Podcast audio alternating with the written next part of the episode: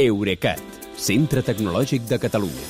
Innovant amb les empreses. Innovant amb tu. Albert Cuesta, bona nit. Bona nit, Kilian. Dues bones notícies per la privadesa dels missatges. Dues, eh? Una té a veure amb el xat i l'altra amb el correu electrònic.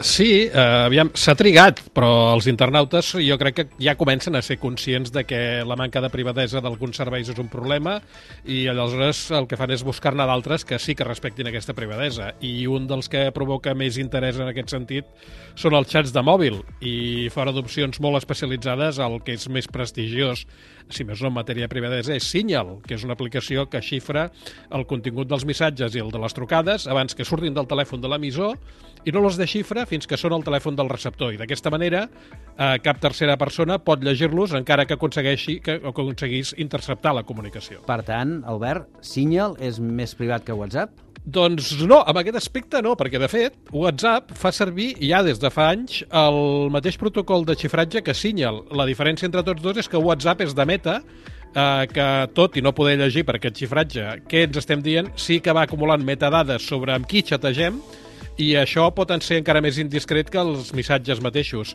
I aquestes dades les va incorporant a la plataforma publicitària de Facebook o d'Instagram. En canvi, Signal no guarda cap metadada i, per tant, la comunicació entre usuaris és, sí que és realment privada. És aquesta la bona notícia que deies? Uh, no, aviam, uh, Signal, expliquem que Signal no és de cap empresa que podria tenir tentacions de fer-hi negoci, com dèiem en Meta, sinó que és d'una fundació sense afany de lucre que fins ara està finançada sobretot per Brian Acton, que és un dels dos fundadors de WhatsApp i ell ho paga en part de la fortuna que va fer quan Facebook els va comprar.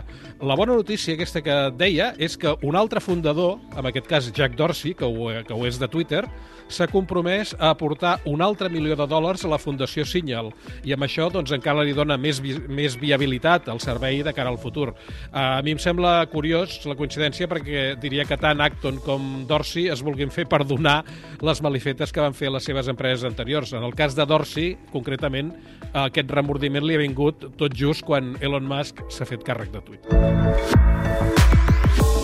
L'altra bona notícia de privadesa té a veure amb el correu electrònic. Uh, amb el correu electrònic de Google, que ha anunciat que activarà també la funció de xifratge, equivalent amb això que parlàvem ara dels xats, però amb els missatges de correu electrònic del servei Gmail, com ja ho tenen algunes modalitats de Google Drive, Google Meet i Google Calendar. Amb aquest sistema, abans d'enviar cada missatge de correu, podràs triar un nivell més alt de privadesa aplicant-hi una cosa que s'anomena xifratge en el client, perquè només pugui llegir els nostres missatges al destinatari o bé algú que tingui les claus de xifratge, que pot ser l'informàtic de la nostra empresa, perquè inicialment aquest nou Gmail xifrat només serà a la versió de pagament de Google Workspace per a empreses. I això per què es fa? Doncs perquè l'empresa pugui comprovar que els seus empleats no estan enviant arxius adjunts pels quals no tinguin permís. I si fem servir el Gmail com a particulars, no podem xifrar els missatges? Podem, podem. Podem instal·lar al navegador web una extensió de xifratge que s'anomena PGP, n'hi ha vàries, pel diferent per cada, per cada navegador, que fa exactament el mateix però si ho feu eh, també us haureu de crear una clau personal i el procés no és que sigui precisament senzill.